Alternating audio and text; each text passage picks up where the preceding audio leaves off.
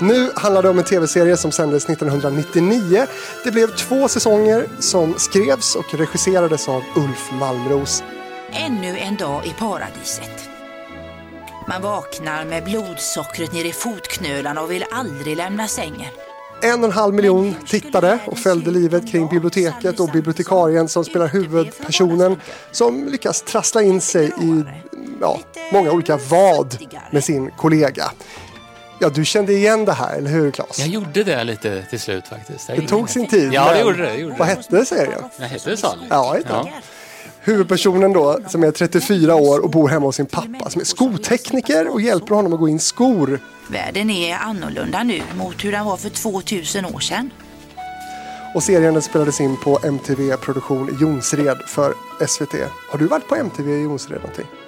Nej, det, har, det är väl ett av få ställen jag inte har besökt, tror jag faktiskt. Det var ju en sån här riktig tv-fabrik där nere utanför för Göteborg. Men ja, Sally, Maria Lundqvist i huvudrollen. Såg du det här då? Ja, jag såg vissa, vissa avsnitt såg jag. Ja. Men, men, sen hade jag ju lite koll på eh, Ulf Malmros eftersom honom, jag ska inte säga att det var ingen, inte kompis, men jag hade ju, vi jobbade på Strix och Kanon-TV och då var ju Ulf där och gjorde grejer när han var nästan lika ung som jag. Eh, så att eh, det var ju en härlig tid, den tiden när så att säga tv, du vet, tv exploderade i Sverige när man bara fick göra vad man ville typ. Men du Sally då, vad, vad ställer du för diagnos på henne? Det är någon form av funktionsvariation om man säger så va? Ja. ja, jag skulle egentligen tagit det med en kille som var här alldeles nyligen. Han är ganska bra på diagnoser. Är det så? Ja. Ja. Jag vet inte vad, vad skulle du säga där. Eh, Vi måste även nämna Sven Wollter då som gör en strålande insats som Sallys mycket tåliga pappa. Men hur ofta går du till biblioteket? Det, oh, det gör jag ju nästan aldrig alltså. Men ni har något fint bibliotek i Kumla där? Vi har eller? faktiskt ett, ett, ett ganska stort bibliotek för det var en så liten stad. Ja. Så jag, brukar, jag, vet, jag brukar alltid säga till min dotter som är nio år eh, att, att eh, det är bra att gå på biblioteket. Vi borde gå på biblioteket. Och så gör ni Och aldrig så det? gör vi inte det. Nej, det är ju jättekonstigt. Ja, det är. Då kommer jag tänka på den gamla fina devisen att barn gör inte som man säger. Nej. Utan som man gör ju. Jag börjar märka det nu. Är det så? Ja. Oj då. Ja, det ska handla nu om en karriär som har kretsat mycket kring sport men även underhållning och faktiskt nyheter och ett omtalat namnbyte. 10. Starta band. Pass på. Starta TV-publiken om 5, 4, 3, 2, 1. Varsågod. Välkommen Claes Åkesson. Ja, tack Fredrik. Ja, du har lyssnat på podden lite grann. Du har lyssnat in dig eller? Jag lyssnar, jag lyssnar ju på eh, Patrik. Ekvall? Ja, jag var tvungen. Jag blev lockad av eh, rubriken. ja, ja. För de som inte har läst den, vad är, vad är det för rubrik? Nej, men det, det var ju hans eh, sorti där från eh, TV4. Mm. Oj, sopgammal nyhet som bara blossade upp igen. Då blev jag sugen. Det här måste jag lyssna på. Det gjorde jag. Råttan. Råttan, ja, Mm. precis. Så är det. Eh, men det är bra. Eh, som, som journalist så, så gillar du att ställa tuffa frågor har du sagt.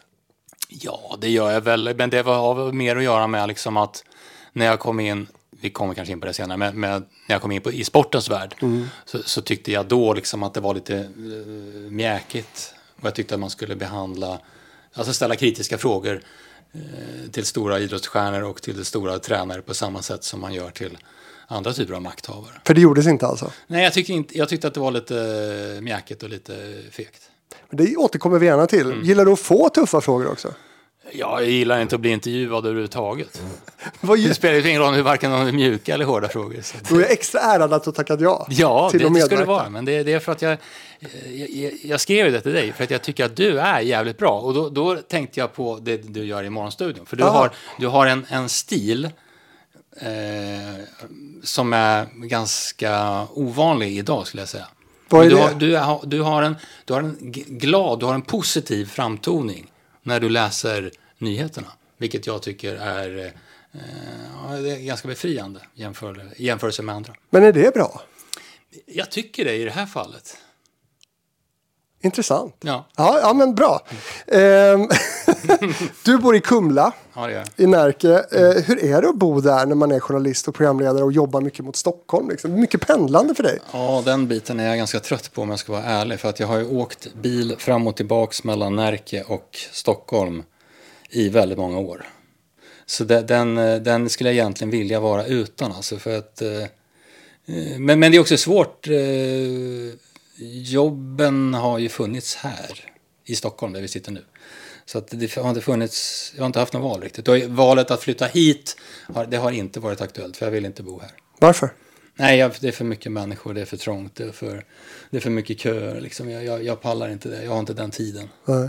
Och nu sitter vi här då eh, på Södermalm i, i Stockholm på ett eh, produktionsbolag där du spelar in podd. Precis, vi spelar in Elitpodden här. Jag och en kille som heter Per Synnerman som handlar om, det är en nischad podd in i löpningens värld. Då. För du är löpare. Ja, jag vill ju vara det. Jag var ju löpare på riktigt för, för, ett antal år sedan. Sen blev jag skadad och sen har det var hackat och var opererad och det har hackat. Men jag har börjat lite smått nu igen. Men det är, inte på den nivån som jag var, för då var det liksom typ 12 pass i veckan. Så det var ganska mycket löpning. Och som hela mitt liv kretsade kring löpning. Mm. Så nu har du lite mer hälsosam inställning det till det skulle hela? de flesta säga, ja. Ja.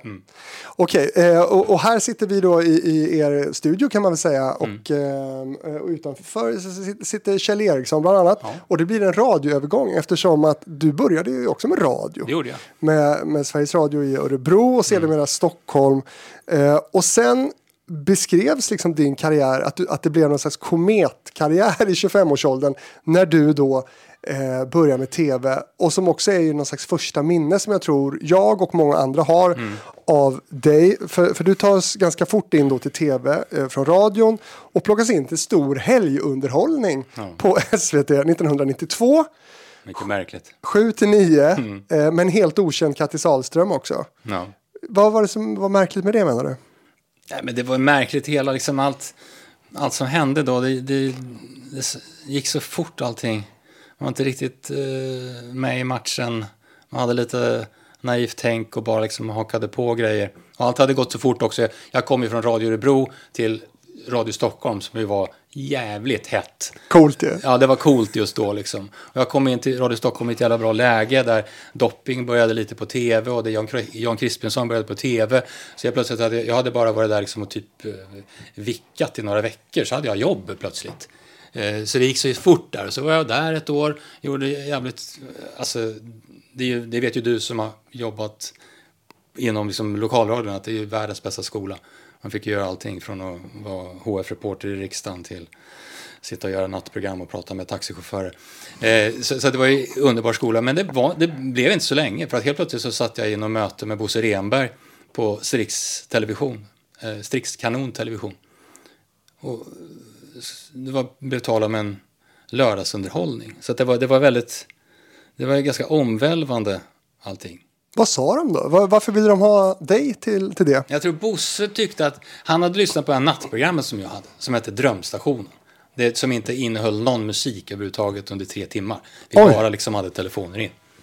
Så jag fick ju prata med alla väldigt... Och vi, hade ing, vi, vi sållade ju inte ut eh, idioterna heller liksom. Ungefär som Radio 1 gjorde för några år sedan Ja, vi tog Aschberg. in Och... fyllon och allt. Alltså vi tog in allt. Och så fick jag väl hantera det på något sätt. Ja, finns det här på YouTube? Man blir väldigt sugen. Jag vet, för, nej det tror inte det. Synd faktiskt, för det var ett jävla bra program. Det var faktiskt det. Eh, och sen jag tror det var rösten där som Bosse Renberg gick igång på. Så mm, då kom jag på något möte och fick göra någon casting där. Som var ganska spartansk. Har du sett 7 till 9 på senare år? Eh, nej, jag har sett uh, någon entré när vi hade någon, vi hade någon bjudning och så har vi börjat prata om gamla grejer. Och så tittar vi på någon start på programmet. Ja. Så det är väl det jag har sett. Jag, men jag har ganska stora luckor från, från, från programmen alltså. Jag tittade här om veckan. Du är ganska cool. Du är så Ja. svalcool sådär. Och det är väl en stil du har behållit det där egentligen. Du har väl en ganska cool framtoning. Det jag tänkte på eh, när jag såg den här inledningen, det var ju tempot. Att det var, det var ju oerhört långsamt alltså. Det, det var som man drog på vartenda ord. Så, så det var jag lite förvånad över att, att folk överhuvudtaget orkade titta på det eftersom det var så långsamt. Men det var en annan, det var en annan tid. Dessförinnan hade väl Harald Treutiger kört sina program och det var ganska långsamt också. Bosse Renberg var producent som du sa. Måns Herngren var reporter. Och 7 till 9 ersattes sen då ett annat sånt där block-tv-program med massa program i ett program. Kommer du ihåg vad det hette då? Det kommer mer. Ja, det blev nästan en ännu större succé. Ja, det blev det. det blev blev- ju riktigt stort. Um, minns inte exakt hur det där gick till. Jag, jag kom ju över till fyran men jag vet inte hur diskussionerna var, liksom om vi skulle fortsätta med 79 eller om vi skulle göra en kombination av 79 och det kommer mera. Det blev någon sorts ändå lite kombination. De hade ju lite 79 i sig, eh, Martin och Arne. Var det väl? Ja. Sedermera Anders och Arne också. ja, just det. Ja, ja, just det. Men, eh, ja, men den här 7 till 9 tiden då, vad, vad, vad har du tagit med dig av det? Vad, vad minns du liksom av, av, av det programmet? Att du, det var ju liksom din, ditt stora break. Ja, det var ju det. Och det, det låter jävligt konstigt att säga det, Fredrik, men jag, jag har ju liksom levt en väldigt stor del av mitt liv i, i, liksom, i fel bubbla. Eh, på, på något sätt. För att, Fel som i... nej, men som jag skulle inte vara någon underhållare. Alltså, jag tyckte det var kul då, för jag, jag hoppade på allting som överhuvudtaget eh, andades radio och tv. Men, men sen insåg jag väl inte, även- trots att de påtalade det för mig flera gånger, så insåg inte jag liksom genomslagskraften riktigt. För, för det, den, den var så jävla enorm, så att efter första 79, ja, då var ju jag den här personen. Ja. Alltså jag, jag var den personen. Ehm, och jag kan inte säga att jag liksom alltid har trivts jättebra med att vara liksom i, det, i det facket. Sen var det en jävla rolig tid och vi gjorde roliga grejer och jag har lärt mig oerhört mycket liksom av Bosse Renberg. Eh, som tyvärr inte finns med oss längre. Men, eh, över tid, alltså det är många år, att vara förknippad med, med just det facket har jag inte varit bekväm med. Underhållningen. Ja, även om jag, jag tycker om, jag kan underhålla, jag kan fan vara rolig, absolut. Men, men jag, jag har alltid känt mig som mer, jag har känt mig som mer journalist. Ja, du har sagt, ja, jag mer vet. lust att eh, ställa frågor liksom, på Ja. sätt. Du vill inte vara någon lekledare har du sagt. bland annat. Nej. Men det var ingen Ja, som, jag men det var ingen som var tvingade dig precis heller det. Nej, det var det inte. Men, men det, var, det var som jag sa, att man, man hoppar på allting och det hjulet snurrade jävligt fort just då. Och jag kommer också från en familj liksom, med en pappa som har jobbat på radio och tv hela livet. Så att jag är ju så jag är så matad med radio och tv. Och att eh, det ska man jobba med, det, det, det är roligt liksom. Nu kommer en fråga som jag kanske aldrig har ställt i TV-fabriken förut. Mm. Berätta om din pappa. Ja, eh, pappa som tyvärr inte finns eh, eh, längre betydde alltså makalöst mycket för mig under hela min eh, eh, uppväxt. Det är han som har format rösten, snarare rösten höll jag på att säga. Men eftersom vi har alltid liksom hemma lyssnat på radio, lyssnat på nyheter, tittat på tv. Jag har hört hans reflektioner. Han har varit oerhört noggrann hela tiden med språket, hur saker och ting uttalas. Eh, så att jag har liksom hela tiden blivit inpräntat, inpräntad i huvudet hur viktigt det är med eh, noggrannhet och hur viktigt eh, radio och tv-mediet är. Liksom. Så att det, En varit- klok pappa. Ja, men, ja, det var han verkligen. Vad jobbar han med då? Han jobbade... Ja, han, det här är så sjukt, Fredrik. För han började... Man tror inte det är sant. Han började på Radiotjänst på Kungsgatan 8 eh, 1939. Och sen så var ju han eh, inom radio och tv. Han var eh, i Malmö. Han var i Stockholm och han var, blev sedermera en, sorts teknisk chef i Örebro på tv där. Så att han har ju... På Almby. I Almby, ja. Men om, när man tänker på att han var springpojke till Sven Jerring. Det är så eh, svindlande liksom på något sätt. Vad hette han? Kurt Åkesson. Kurt Åkesson. Jajamensan. Nästan som Kurt Olsson ju. Nästan. Fast, Men vad häftigt. Okej, så han eh, var den tekniskt bevandrade då i, i tv där? det var, de, det var de, den typen av uppgifter han hade, men han var ju inte det. Han hamnade också i fel fack. För Han var mycket mer liksom humanist, eh, alltså mycket mer... Mm, han skulle ha varit med, gjort mer program helt enkelt än vad han gjorde. Han gjorde i och för sig program, han gjorde ju sommarprogrammet i radio, han gjorde vissa tv-program och sådär också. Men Vad tyckte han om att, att du började med tv och radio? nej, men han tyckte det var jä- jävligt kul. Eh, det tyckte han. Jag tror just det eftersom han alltid hade en, eh, en drivkraft och en vilja och en önskan om att, att göra program verkligen. Så tyckte han ju att det var roligt att, att jag helt plötsligt gjorde det, det han kanske skulle vilja ha gjort. Var han hård mot dig? Nej. Han har aldrig varit hård. Han varit väldigt liksom, eh, rak i, när det gäller konstruktiv kritik och sådär. Ganska, eh, väldigt, han har varit hård när det gäller språket. Ehm, alltid liksom rättat mig. Om det är någonting som är eh, felaktigt enligt hans sätt att se det. Ehm, så sen har, jag svär ganska mycket. eh, och och det, det kommer jag ihåg att pappa sa så här att du vet, Claes, du kan svära precis hur jävla mycket du vill. Om du har ett bra språk. Eh, Då funkar det. Men om det inte språket är där, om inte orden finns där, om inte banken är fylld, då blir svordomarna bara helt meningslösa. Är banken fylld? Skapligt. Skapligt. Eh, jag ska också säga, vill man höra mer om 7-9 då kan man lyssna på TV-fabriken nummer 8 med Katti Sahlström. Ja, Kattis, jag har inte sett henne sedan dess typ. Är det så? Ja. Ni springer inte på varandra? Nej, det har vi inte gjort alltså. Och jag hade faktiskt någon idé här för något år sedan att, jag skulle, att vi skulle ses. För att jag hade en liten idé där om att vi skulle göra en sorts återförening i ett projekt. Men det vore kul. Men vi har, vi har, på riktigt, vi har knappt pratat med varandra sen sista programmet av 79 tror jag. Men ni hatar inte varandra? Nej, verkligen inte. det har bara inte Verkligen blivit inte. av. Nej, jag vet inte. Vi gick bara helt olika vägar och sen så försvann kontakten bara. Ja, just det. Ja. Men hon har haft en spännande tv-resa också och inte alltid så lätt. Nej. Eh, där när hon gjorde Uppdrag granskning och så blev väldigt eh, kritiserad. Det. Mm. Eh, men det kan man höra om i det avsnittet. Du var med i Rederiet också. Ja, just det. Det var ju också mitt i den där vevan mellan Radio Stockholm och 7-9. Så, så hamnade jag i första scenen i Rederiet. Var det första första scenen? Absolut första scenen. Är det. det är jag som öppnar Rederiet, Fredrik. Helt sjukt ju.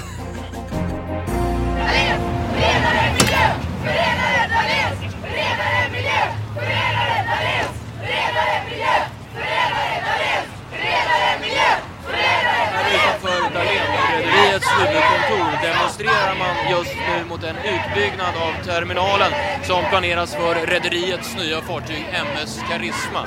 Den största färja som någonsin satts i trafik mellan Sverige och Finland. Skulle jag vara en förrädare? Jag har tagit all tänkbar hänsyn till miljön. Tidpunkten för demonstrationen är väl vald. Det är just idag som Svenska Redareföreningen har sitt möte med de kommunala... Och jag stängde Rederiet. Du stängde? Ja, jag, jag var ju på, under min gymnasietid så var jag fast besättningsstatist i Rederiet. Eh, så att jag var med si, sista ett, två åren. Eh, så jag, du öppnade, Ja. jag stängde. Men jag hade ingen speciellt framträdande roll. Nej, det kan jag inte säga. Det hade inte jag heller. Jag var, en, jag var typ statist. Men du, vad hände då? För att 79 två säsonger går Mm. och eh, sen så 93 så, så drar du till TV4. Du blir värvad dit. Ja, det kan man väl säga så. Mm. Eller? Ja, ja, men så var det väl. Och Det var fick- inte jag som pitchade. Nej. Nej. Men du fick en sån här egen betitlad talkshow. Ja. Som väl typ är allas dröm, eller? Ja, då var det det. Jag, jag är jättesvårt. Jag fattar inte att, inte att inte Sverige har liksom talkshows idag på det sättet. Det existerar ju knappt. Har vi inte haft mycket talkshows? Jo, men jag tycker att det finns plats för det.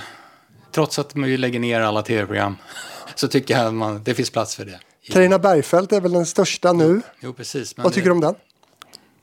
Jag vet inte. Det är inte, det är inte riktigt min... Jag tycker att det, det jag, jag ska om det, vi pratar om talkshows, då vill jag ha mer, då vill jag faktiskt ha mer underhållning, då vill jag ha mer komik. Eh, jag ser inte det som en talkshow på det sättet. Talkshow för mig är underhållning. Robins, så som Robins var med så Robins i kanske. och för sig, det var, band, det var ju bandat. Eh, det var lite synd. Ja, du vill Det ha live. Mm. live tycker jag. Det, är all, all, det är som tv som, det ska gå live. För lite live i tv. Ja. Åkesson var live, det du gjorde på fyran. Det var live till en början. Ja. sen bandade vi, tror jag, eh, sen bandade vi på förmiddagen typ och så gick det på kvällen. Jag för mig det. Men det började, vi började live i alla fall. Och varför? Billigare in, Ja, jag tror eller? det var ekonomiska saker. Jag vet inte varför. Men, Var spelar ni in? eh, SVT, Du höll dig kvar i, Ja. huset på något sätt. Studio 4 tror jag. Ja. Ja. Sånt där är kul att veta. Mm. Ehm, Där var ju för övrigt Rederiet senare också. Jaha, det kanske var. Eller senare, det var ju i den vevan. Ja. Eh, men du, den här, eh, när, när du togs över då till TV4, hur gick den här värvningen till då, rent praktiskt? Var det hemliga möten, på, hemliga luncher på stan? Och... Det var väl lite sånt, det, jag minns inte exakt, men Jan Zachrisson var ju programchef då på eh, TV4. Så att jag hade lite möten med honom. Det var väl lite hysch-hysch där och sen blev, tyckte väl inte SVT att när det här så att säga kom ut, eller när det blev känt för dem att det fördes de här diskussionerna. Så tror jag inte, de tyckte inte att det var något roligt. Eller de blev ganska sura. För de ville ha kvar dig? Ja, de- det ville de. Vad ville de att du skulle göra? Eh, Vad hade de för planer för Claes Åkesson? Det var nog... Jag kan inte säga hundraprocentigt. Men, men jag tror att det var Det kommer mera. Att det skulle liksom rulla vidare i någon form. Sen om det skulle heta Det kommer mera eller heta 79 eller vad. Men jag tror det var det de ville. Eh, men jag tyckte, ah, fan, vi, för, vi blåser på bara. Vi kör vidare. Jag var Ja, jag tänkte inte eh, hela vägen, alla gånger. Tänkte du med plånboken någonting då? Jag Det gissar gjorde att det jag blev nog- lite det bättre nog också. betalt. Även om jag, jag fick bättre betalt, men det var ju ändå kast betalt. Med tanke på eh, vad de tjänade på själva pro- programmet. Kunde ju ta bra betalt på den tiden från produktionsbolagen när man gjorde en, en, en stor primetime-grej. Mm. Så att jag hade nog ganska dåligt betalt egentligen. Kommer du ihåg? Eh, nej, det gör jag inte. Och det, vill jag inte säga heller. Men, men, men, men en gissning är att jag borde haft mer. Du fick ju en hel del uppmärksamhet för att du bland annat sam samlade de här 56orna. Mm. Björn Borg och Ingmar Stenmark och Frank Andersson och, Mm. och Wassberg va? Vem, var det din idé? Det var faktiskt min idé. Att vi skulle eh, försöka göra det. Varför blev det så stort? Nej, men de hade ju aldrig samlats. Liksom. Det, var, det här var ju fortfarande, det är ju länge sedan, så att de var ju fortfarande en väldigt stor del av människors, svenska folkets historia. Och de hade aldrig samlats på det sättet på väldigt, väldigt länge. Eh, och eftersom jag alltid har varit, haft ett enormt sportintresse eh, så var ju de här sto, väldigt stora personligheter för mig. Liksom. Jag är ju, var ju uppväxt med de här, de var ju mina idoler. Eh, Så det var därför jag gick igång på det. Och det var väl ingen som trodde på att det skulle gå heller. Att få ihop dem eftersom de, ingen annan hade fixat det. Men eh, det gick. Det var en spännande resa. Är det fortfarande, känner du att det är liksom en milstolpe sådär? Ja, men det, det, det är en milstolpe så tillvida att det, det, det var jävligt kul att få ihop dem liksom till, eh, till ett tv-program. Så på så sätt är det. Sen, sen tycker jag att själva programmet och allting runt omkring efteråt, det, det blev liksom, ah, det blev ju skit egentligen tycker jag. Men Vad, vad, vad? Ja, jag tyckte inte eh, programmet blev inte bra, det var liksom inte genomtänkt, det var bara och sen efteråt då hade de hela liksom Café Opera hade de hyrt för en efterfest med 56orna och med massa inbjudna människor, alltså som ett bindefält, som en bindefältfest. Det, det jag inte direkt var speciellt delaktig i själva eh, vad säga, arrangemanget. Nej. Men helt plötsligt så var- hade vi den här festen efter programmet och alla hade någon badge där det stod Åkesson på. Och det, det var så konstigt. Liksom. Jag upplevde det som väldigt märkligt. Men du var bjuden. Jag var, jag var bjuden. Och du det var där? Ja, jag var bjuden. Jag satt bredvid Björn tror jag. Var du nykter? Nej, Nej det var jag inte. Det var omöjligt att kunna vara det. Det hade jag inte klarat av. Hur, hur blev kvällen då? Ja, ja, den blev nog eh, blöt som du är inne på.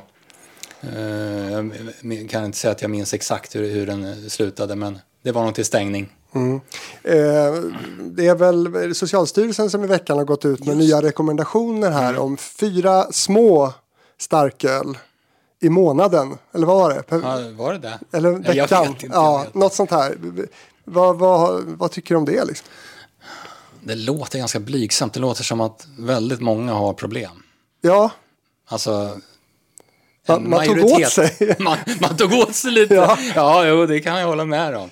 Nej, men det, lå- det, jag, jag, jag måste sätta mig in lite mer i det där känner jag. För att jag har bara typ läst rubriken. Men hur de har tänkt eh, skulle jag vilja... Jag skulle vilja ställa lite frågor Ja. jag, till Socialstyrelsen. Ligger du över den här? Jag ligger över. Du ligger över, Det kan ja. jag vara öppen med. Ja. Eh, Men du, du som talkshow-värd då, vad, vad fick du för reaktioner från tittare och andra liksom på, på det? Både och alltså. Eh, vi, vi hade ju tittarna. Alltså det var ju... Jag, vet, jag kommer inte ihåg exakt, men kanske 1,3-1,4 miljoner. Det hade ju alla program på den här tiden ska jag säga. Ja, det ha, ja för sig, vi gick ju mot eh, Loket. Oj! Gjorde vi inte det? Jag tror Nej, det. är ju samma kanal. Ja, just det. Det var ju 79 som gick i, Ja, mot Loket. så måste just det det. vara. Ja. Eh, ja, det kanske är som du sa. Det kanske inte var så bra siffror. Då. Jo, men det är ju bra siffror. Men, men visst, ja, det ligger väl någonting i det jag säger också att eh, på den här tiden så Ja, det var ju mycket. Alltså jag tror Bolibompa hade väl miljonpublik för att det gick i SVT1 Ja. 18 och 15 och det var liksom alla tittare på det. Eller det stod på liksom. Var inte testbilden som hade en miljon också? Den är fin. Ja, den, är, den kan man sakna. Ja, men den sänds ju fortfarande. Ja, men när? Eh, Jag tror att det är så här tidigt på morgonen i SVT2. Okej.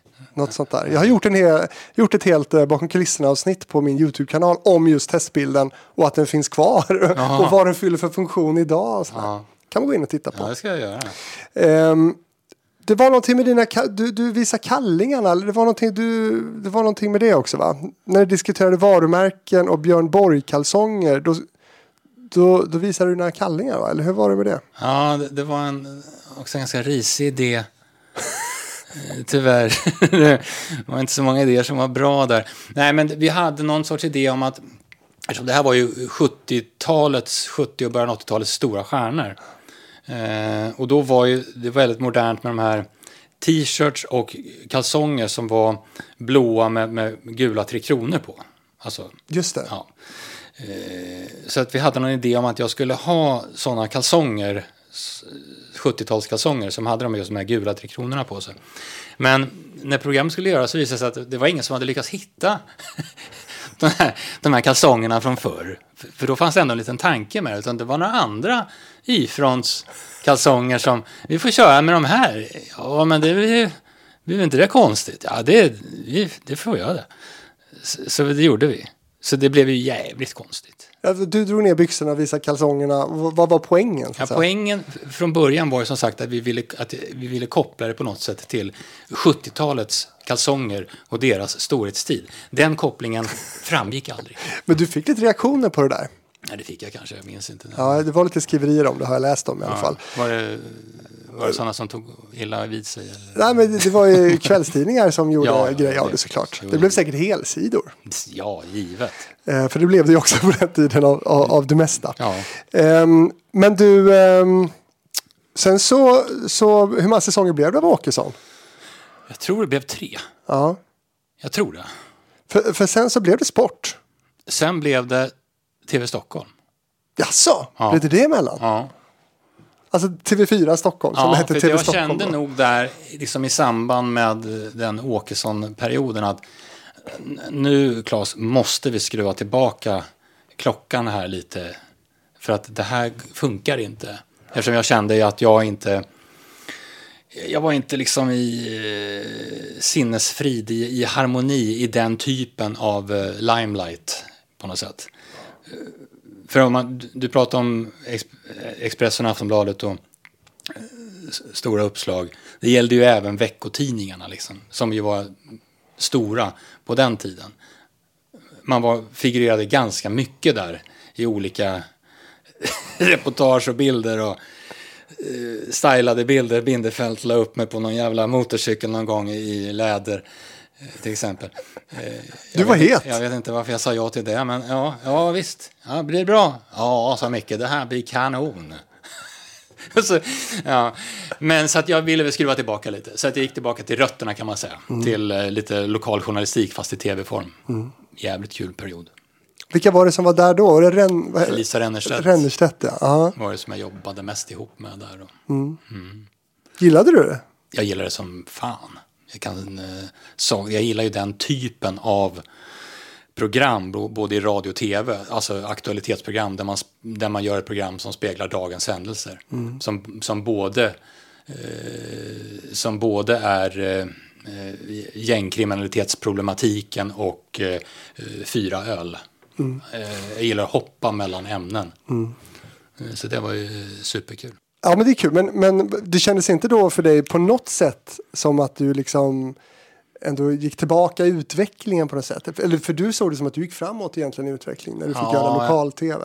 Ja, jag kände inte som att jag gick eh, bakåt utan jag kände det nog mer som att eh, jag var tvungen att göra det liksom för mig själv. För att jag själv skulle känna att jag gör rätt liksom. Men låg branschen öppen för dig där? Eller hur, vad hade du för status där efter den här talkshow-biten? Åren? Det kan jag inte svara på riktigt men jag tror, jag, jag tror nog att det, det, fanns nog flera möjligheter att, att göra tv på de stora kanalerna efter det. Även om hela liksom, Åkesson talkshowen inte var så lyckad direkt, inte genomtänkt. Den kanske var bra, skap, började bli lite bra på slutet. Eh, Men från början så var det ju inte bra överhuvudtaget. Men det beror också på att, vad ska jag säga, det upplägg, eller den talkshowen, den skulle ju inte jag ha gjort då, när jag liksom är 25. Och, eh, det, det var ju liksom alldeles för tidigt. Den skulle jag i så fall ha gjort nu. Nu hade det varit bra läge. Nu hade du velat? Nej, men det, det säger jag inte, men jag säger att nu hade det funnits, en möjlighet att jag själv skulle bli nöjd med den. För att jag har liksom bättre koll. Det hade jag inte då. Men efter då TV Stockholm, då blev det ju sport. Ja, då blev det sport. Ja, och, och vi har satt. Mm. Eh, och du ledde stora fotbolls och hockeysändningar där. Kände du på något sätt att du innehållsmässigt då hittade hem där? Eller? Ja. Verkligen. Där kände jag att jag var på min hemmaplan. Äntligen alltså. För att, eftersom jag har levt ett liv i, i sport och med sport. Så att eh, den biten kände jag att jag kunde liksom. Eh, så det var, jag tror det var 96 eller 90 96 tror jag jag började där. Och vi har satt med Champions League-fotbollen. Och sen var jag där fram till 2008. Och gjorde Champions League, italienska ligan, hockey-VM, massa EM och VM-kvalmatcher i fotboll. Så det var ju min uppgift där. Fast det blev lite annat också i den där T- TV3-perioden. ja, det finns en del annat där också. ja. Du gjorde ju bland annat nyheter. Ja, TV3 Direkt. ja. Och det, är ju ett, eh, det finns ju ett, ett, ett avsnitt där du berättar lite mer om just det i Mm. TV, TV-fabriken Dokumentär om TV3 Direkt. Eh, Ligger det ute?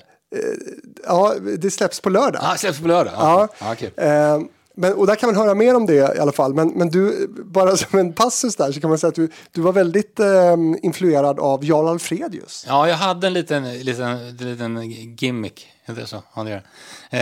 Eh, att jag gjorde som Jarl Alfredius, i alla fall inte alltid, men vissa gånger. För han, han såg allt, när det rullade ett inslag Aktuellt så såg han väldigt, när man kom tillbaka från inslaget så såg han väldigt bekymmersam ut eh, och hade ett finger liksom, han lutade hand, eller hakan mot ena tummen och så ett finger upp. Och sen så tittade han upp i kameran och sa mm. För att så säga, knyta ihop eh, inslaget. Landa liksom Ja, i- landa ja. i, i den här stora nyheten. Så att den, den tog jag efter lite faktiskt. Jag måste göra den. Någon, någon, Ja, eh, någon morgon i, i din ära och Ja. i Jarl Alfredius Ja, ära faktiskt. verkligen. Mm. Bara för att testa hur det känns. Om, det, om det finns i mig liksom. Roligt. Eh, men som sagt, eh, eh, du sa också då att alla kanaler gör snygga visuella sändningar och är duktiga på sin sport. Men du gillar inte helheten har du sagt på, på nutid, sportsändningar. nutid eller? Ja, ja, precis. Det har du sagt nu också. Mm. Och att det går för långsamt, det är för dåligt tempo ehm, och sådär. Och, men du hade väl alla möjligheter att påverka det här? Ja, men nu pratar, det här är lite reflektioner som jag har gjort i nutid. Nu, mm. Jag slutade med På sporten 2008. Eh, Men du kände inte det då alltså? Nej, verkligen inte. Anledningen till att jag, till att jag eh, har sagt eller skrivit det har, har jag väl gjort och haft synpunkter på sporten är att jag, jag, när jag satt och tittade på sändningarna så tänkte jag, vad fan, vad håller de på med? Har jag fel nu? Är det jag som är fel ute? Eller är jag rätt ute? Jag måste kontrollera. För jag tycker om att kontrollera saker. så, så gick jag tillbaka och tittade på gamla sändningar eh, hockey-VM och Champions League från typ 2000 till 2004, där någonstans. Det är ganska, ganska länge sedan, det är 20 år sedan. Ja, för fan. Och jag ser att, men vad fan, tempot är ju högre här. Det går ju snabbare. Det är split upp, split upp. Det var fyrsplit med kommentatorer och snabbt ner dit och snabbt in på den och musiken och eh, rappt som fan. Och när jag tittar på det så tror jag, ja, det är alltså, det är ett högre tempo, det var ett högre tempo då än vad det är nu. Och det, det övergår mitt förstånd. Jag fattar inte hur det kan ha blivit så, för jag tycker sport är tempo. Det ska vara tempo i sändningarna. Men det är jätteintressant spaning. Ja, det, det är det. Men vad, ja, vad fasen beror det på då? Jag vet inte, när jag var på TV3 och var med sporten där så fanns det alltid, det var en oerhörd drivkraft att hela tiden eh, förfina, förbättra saker och ting. Pia Gulle var sportchef och han var verkligen en sån person som hela tiden ville hitta nya grejer att göra, testa nya saker. Så jag tror det bottnar i att vi hela tiden försökte utveckla sändningarna. Varje hockey-VM ville vi göra det på, på ett ännu bättre sätt. Och liksom hockey-VM blev lite, och Champions League också, blev lite role model-sändningar för övriga sport-tv-kanaler. Eh, helt klart. Eh, och jag tror inte man har inte den där drivet att, att hela tiden utveckla saker idag som man hade förr. Det är mycket liksom, det är fabrik, förlåt ordet, men det är bara körschema går bara liksom i, det är som en manual bara vi skickar ut eh, varje gång. Och jag tycker också att man, det har jag också skrivit någon gång, att man, man saknar man saknar humorn, man saknar glimten i ögat. Man saknar komiken i sportsändningar. För att mm. sport är ganska mycket underhållning och roligt. Men är det någon som medvetet då har, har sållat bort det och gjort det långsammare? Eller har det bara blivit så? Jag vet, jag, jag, jag, jag, har, inget, jag har inget svar på den frågan faktiskt. Men är det, en programled, är det ett programledaransvar eller ett producentansvar? Eller vad, vad, liksom, vad ligger bollen? Liksom? Ja, det är, naturligtvis både, det, är, det är både och. Det är klart att det krävs både drivande producenter och drivande programledare. Jag tror att programledarrollen är en vikt, viktig där för att programledare som vill driva utvecklingen framåt, som vill utmana sig själv att göra nya grejer på ett nytt sätt, det är skitviktigt. Och det, det vet jag inte, det kanske har hänt någonting där, jag vet inte. Om man bara liksom är nöjd, om man bara är nöjd med det man har, att sitta, jag kör det här liksom. Det här kör jag. Och det, det, men, men alltså sport-tv var bättre för 20 år sedan? Det säger jag inte, men, men jag säger att många sportsändningar, livesändningar, eh, var bättre så tillvida att det var ett, var ett högre tempo och en bättre timing. Men inte bättre totalt? Nej, men det kan man inte säga för att om man tittar på livesport idag, om man tittar på Champions League idag, det, det, är, ju, det är ju supersnyggt alltså. Det är ju snyggt som satan. Eh, så, så att det är ju en upplevelse bara på grund av den, eh, bara på grund av den anledningen. Mm. Eh, men sen tycker jag som sagt att, att man, saknar, man saknar tempot och man saknar humorn. Vilket tv-hus gör snygga sport-tv idag? Ja, det är ganska jämnt. Alltså, det är jämnt skägg. Alltså, jag tycker Viaplays Premier League-sändningar är ju snygga. Eh, TV4 Plays heter det nu, heter inte Simor längre. Nej. Uh, Champions League-sändningar är snygga, så det kan jag inte, det kan jag inte säga. Alltså, jag, för, för jag kom på det, jag tycker att hockeyn som TV4 gör, det är lite, de sticker ut lite. För, för det tycker jag är bra. Det tycker jag, det tycker jag det mesta är bra, för de, de, har ett, ja, de har ett snabbare tänk, de har ett lite galnare tänk helt enkelt. Men det är hockey, det är två olika sporter. Så. Fyran Studio är jag ju väldigt förtjust i. Den här mm. liksom kuben eller ja. de här, ja, väldigt snyggt. Skitsnyggt. Du är väldigt frispråkig på Twitter till exempel. Eh, och tycker till om kommentatorer och, och så. Mm. Dina kollegor egentligen ju. Ja, så. Hur tas det emot? Ja, det är också både och. Är, jag har aldrig riktigt förstått det där för att man har fått en del, om jag har tyckt någonting så kan jag liksom ha fått kritik att ja, men hur kan du tycka så där? Det där var ju inte kollegialt eh, sagt. Det är som att man ska stå liksom och vara helt tyst bara för att man är kollegor. Jag tycker ja. precis tvärtom. Det är vi som är kollegor, vi som jobbar med det här, det är vi som kan det. Det är bättre att vi tycker än att en recensent på Expressen tycker, som aldrig har varit i, den, i, i det rummet liksom egentligen. Även offentligt? Vad sa du? Även offentligt? Ja, det tycker jag. Mm. Ja. Jag har absolut inga problem med det. Jag skulle ha noll problem med om någon hade eh, synpunkter på mig eh, offentligt när, när, när det gäller mitt jobb. Jag kan säga att jag har även synpunkter eh, när det gäller eh, positiva eh, iakttagelser. Jag är ganska noggrann med det och under hela karriären var jag ganska noggrann med att att påtala det och även kontaktat personer som jag tycker har gjort ett bra jobb. Som jag gjorde till dig. Jag sa, fan vad du är bra. Ja. Ja. Ja, men det, är- det är ju alltså creddas de som creddas bör. ju. Ja. Alltså så är det väl lite. Och är man dålig ska man ha kritik. Det är inte konstigare än så. Nej. Men, men, men återigen, vad, hur tas det emot? Alltså hos dina kollegor då som, som kanske får kritik från dig offentligt? Får du några... Jag vet inte faktiskt. Jag, jag kan inte säga att jag har inte någon superkontakt med, med, med dem. Alltså, det, det, kan jag inte, det kan jag inte svara på. Nej, du får ingen respons tillbaka. Nej, inte det. Nej, det kan jag inte säga. Nej. Jag har, Vem är, vad har du för favorit då i sport-tv-genren framför kameran?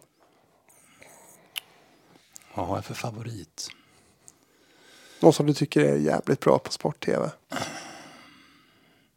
Jag tycker att, liksom, men det är också, det, det, är ju, det är ju gamla tiden också, så jag vet inte varför, men jag tycker Tommy Åström är bra, men det är tror jag för att jag, vi är kanske lite lik, lika skolade liksom i radion och det är viktigt med timing och sekunder och sådär. Så att jag, han har ändå liksom ett journalistiskt tänk i det han gör och, och, det gillar jag. För jag kan sakna, det jag inte tycker om det är när man inte har ett, ett journalistiskt tänk på grejer. Man, man måste kunna tänka eh, journalistiskt när man sitter i en livesändning, även om det är sport. När man, när man hamnar på djupt vatten där, det, det, det tycker jag inte om. Då blir jag liksom obekväm. För att äv, även om det bara är sport så kan vad som helst kan hända. Precis som det gjorde med Christian Eriksen som ramlade ihop eh, och fick hjärtstopp liksom, mitt i en match. Och det, mm, andra, liksom, andra sådana saker som också händer under sportsändningar. Eh, I intervjusituationer. Mm, ja, då, vill jag, då, vill jag ha, då vill jag ha journalistik. Hur tyckte du att Niklas Gide hanterade den här uppkomna situationen med... Men Janne? Ja, Ja, Jag, jag, hade, alltså jag, jag gillar Niklas som fan, men han är snäll alltså. Han är snäll. Jag satt ju där och tänkte, "Åh, alltså hade jag stått där då, vad hade du gjort? hade jag stått där då, då hade Janne, jag vet inte riktigt hur, vad jag hade gjort, men jag hade ju inte köpt hans, jag hade inte låtit honom gå bara, utan jag hade, tror jag, bara stoppat honom. Vänta nu, stopp, vi tar det från början. Det var ju, ja, det var ju magisk tv för sig. Det var det. Riktigt bra tv. Ja. Så på så sätt tycker jag att Niklas kanske skötte det där ganska bra ändå. Ja. Försökte men ändå Ja, det kan. stod tillbaka. ja, men så. Det blev ju bra. Ja. För fan. Ja. Men har du någon som du också är väldigt kritisk mot som du verkligen inte tycker har en plats i, nyhets, äh, i, i sport-tv? Ja, det, det kan jag inte säga om jag har det. Vet du. För att, skulle jag säga det så skulle det, det, skulle, det skulle bli ett uppslag. Men, men det är klart att jag, det är klart att jag har synpunkter. Det, det har jag ju liksom. Men, men det beror ju på att jag har synpunkter. Det beror ju på att jag är jävligt intresserad själv och brinner som satan för, för produkten. Men du, du, du har också sagt att, att, att du fattar inte hur du liksom hann med allting. Du gjorde de här stora sportsändningarna. Eh, vi har sett, du, du hoppade också då in som nyhetsankare på TV3 Direkt. Men, men du, du, du hann. Jag Uppenbarligen. gjorde det på något sätt. Och det var ju andra grejer mitt i det där. Det var ju Superstars-inspelningar och det var idrottsgalor och det var Melodifestivalen och det var ju allt möjligt Ja. under samma TV3-period där. Eh, Så att jag, det var som jag sa till dig tidigare, jag fattar fan inte hur jag hann med. Framförallt fattar jag inte hur SVT kunde gå med på att jag var programledare för så stora produktioner, deras största grejer, när jag var på TV3. Låt oss återkomma till det. Ja. Eh, många år på TV3 och, och vi har satt för dig då. Vad hade du för relation till Jan Stenbeck? Ja, ingen mer än att eh, träffa honom någon gång på hockey-VM. Liksom, hälsa på honom typ. Sen har jag aldrig haft någon eh, närkontakt. Pratade ni med varandra? Nej. Vem är han för dig? Alltså, i, i, i, grund och botten naturligtvis en entreprenör, men en innovativ människa som eh, hela tiden eh, såg längre fram än vad majoriteten av andra i branschen gjorde tror jag. Han hade, jag tror han hade liksom en klar vision av vad han, vad han ville göra. Och han var, han var ju tuff så tillvida att det var någonting som inte, som inte lirade för honom. Då, då lirade det inte. Men hade han synpunkter också på, på sändningar och sådär? Inte, inte som har nått mig, men det var ju som jag sa i samband med TV3 Direkt så tror jag att det var han som, som ville så att säga skruva lite på nyhetsformatet. För det var, det var inte så roligt. Nej, och sen blev det lite mer tabloid ju, Ja. i, i det formatet också. Eh, men du, det jag vill komma in på är att du har ju bott hos honom. Ja, just det, det har jag. Ja, Ja. Ja det har jag. Eh, Henry Schyffert berättade i TV-fabriken eh, om, ja, han berättade ju mycket om Stenbeck och om hans resor till hans privata jakt och sånt där. Eh, berättade också då om att han efter en separation, tror jag från Sia Berg om jag inte minns fel, så inhystes då Schyffert i Stenbecks hus på Skeppsbron i, Stock i Stockholm Gamla stan.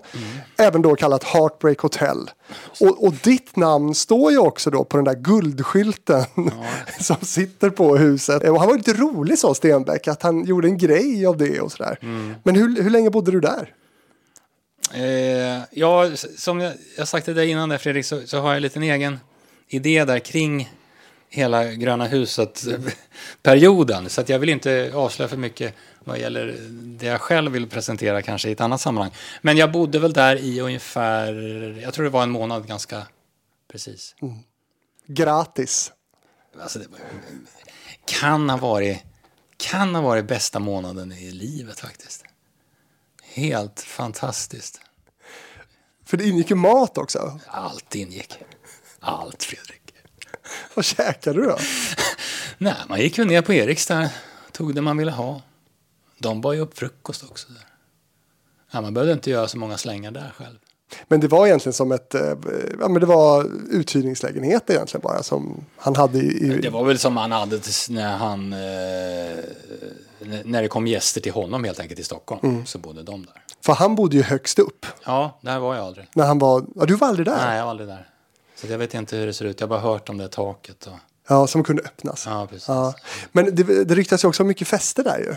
Ja. Men där var du inte inbjuden. Nej, där har jag aldrig varit på fest. Det var ju trist. ja. Där tänkte man ju annars att du liksom ändå hade varit då. Nej. Men, men du kände dig, på tal om den här journalisten då Mm. som du är, så du kände inte köpt av honom? Nej, det gjorde jag inte. Nej, varför skulle jag göra det? Ja, för att han lät dig bo gratis och men äta den gratis. Och, Ja, ja, nej.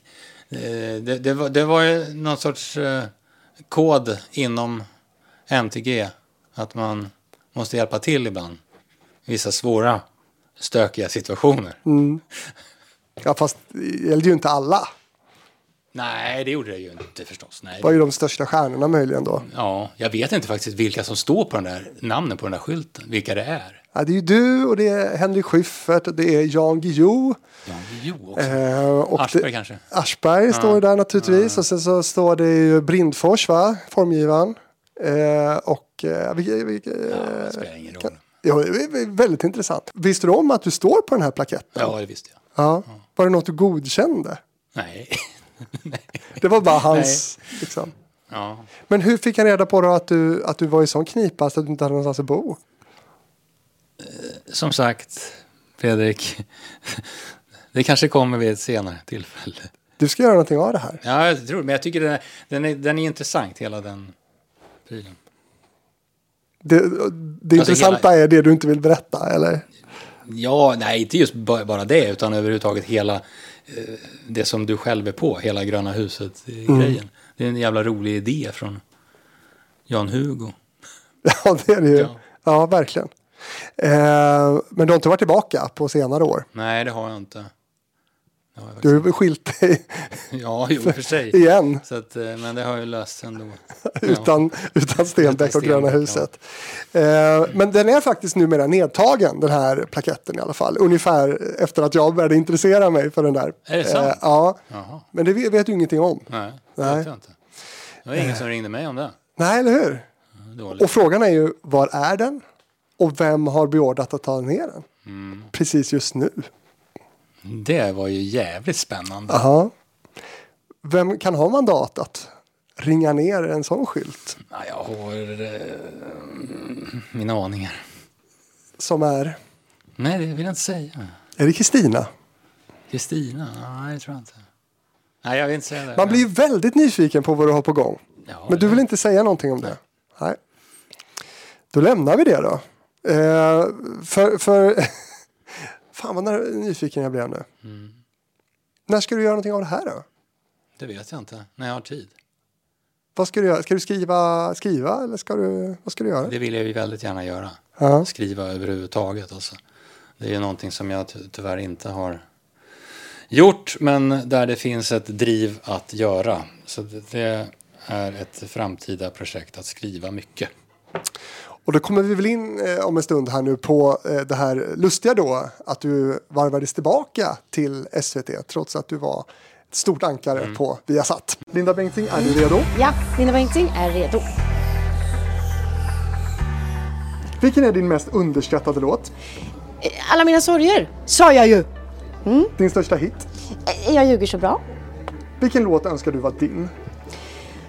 Kall som is, ja du är kall som is och jag kan inte värma dig. Säg en riktigt dålig låt. Eh, Det var den låten som Marco var med i Mello med. Den, den var riktigt dålig. Vilken är din mest minnesvärda spelning? Jag kommer alltid tillbaka till samma svar. Nationalsången i Löfbergs lila arena för Färjestad. Hockey, hockey, hockey! Hej! Det här är Linda Bengtzing. Och jag är en av Fredriks gäster i podden Hitfabriken. Och det här avsnittet hittar du på Spotify och andra poddplattformar. Poddplattformar, gud vad det var svårt.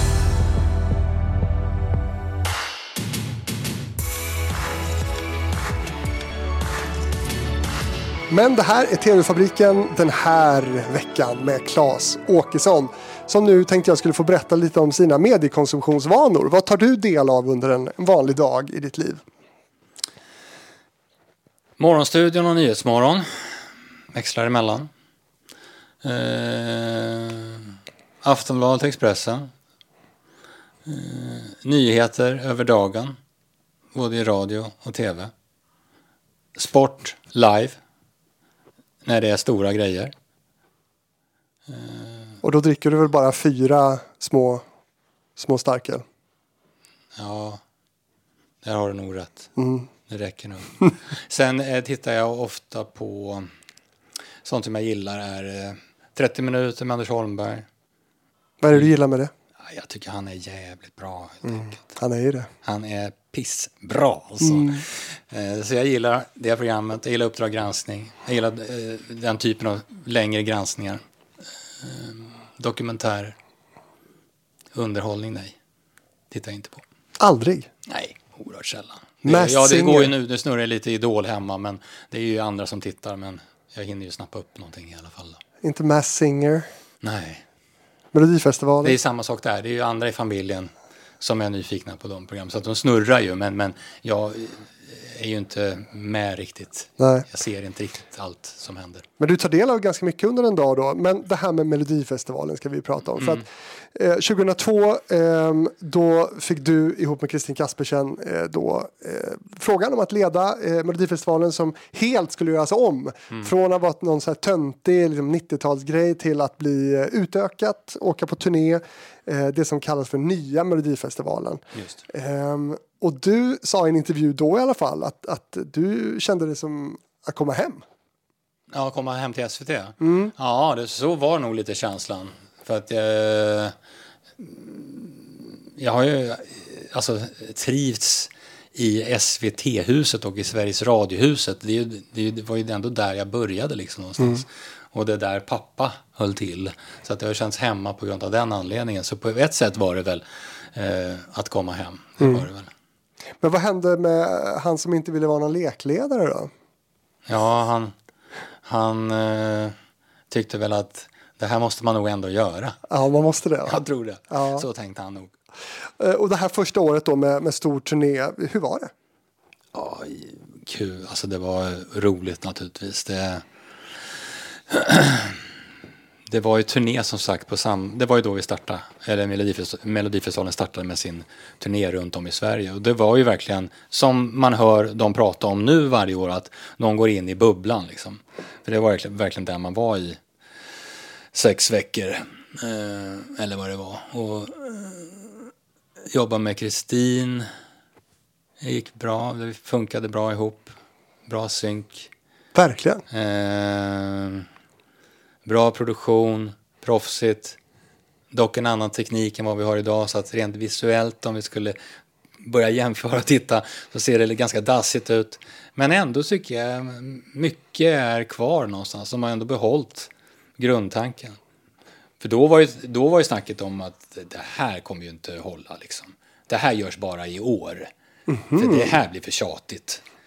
eh, så jag kommer ihåg när det var, när det var klart att nu går vi tillbaka till liksom en riktig melodifestival varje år. Men så blev det ju inte. Verkligen inte. Nej. 20 plus år nu Mm. eh, snurrar det här på. Eh, minns du några låtar från Mello 2002? Ja, vi, vi kommer i alla fall ihåg att Afrodite vann. Ja. Men Never Let It Go. Ja.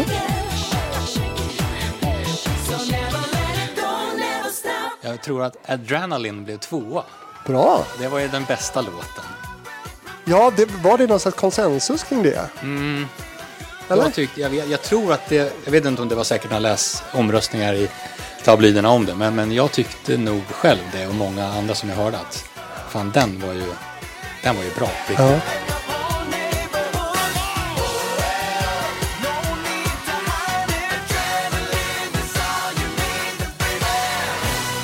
Lite hockeyarena-låt. Ja, det är det lite. Och du fick åka runt i, i ishockeyarenor i alla fall. Ja. Men, men ja, två låtar minns du i alla fall. ja, det är bra. Det är jättebra, det är helt godkänt.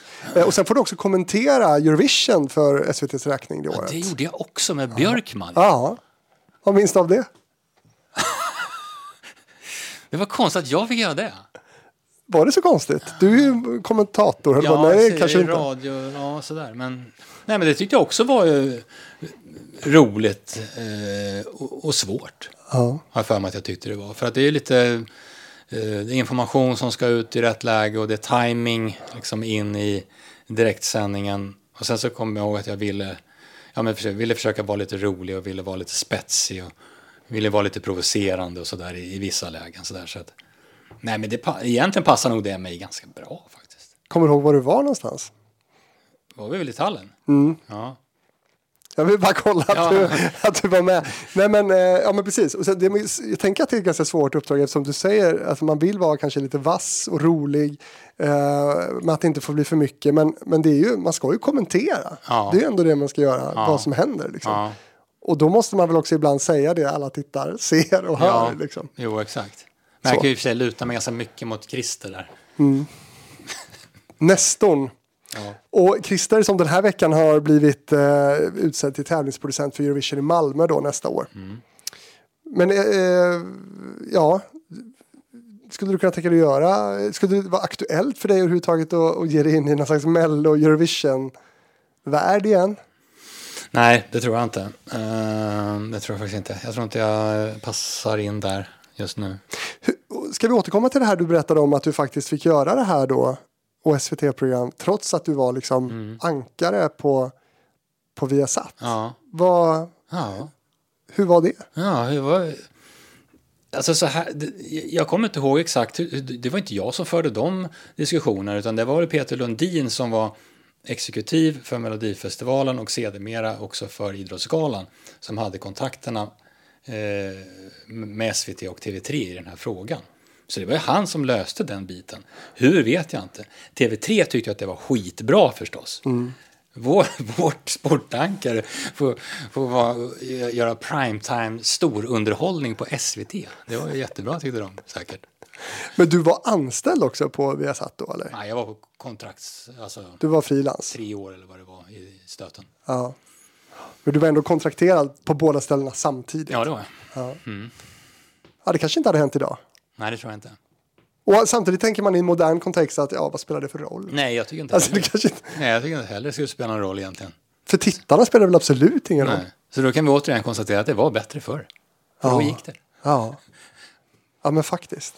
Och sen är det så här då att 2004 så var det någonting som, som rönte väldigt mycket uppmärksamhet. Det var när du bytte efternamn ett tag, vilket förvirrade väldigt många.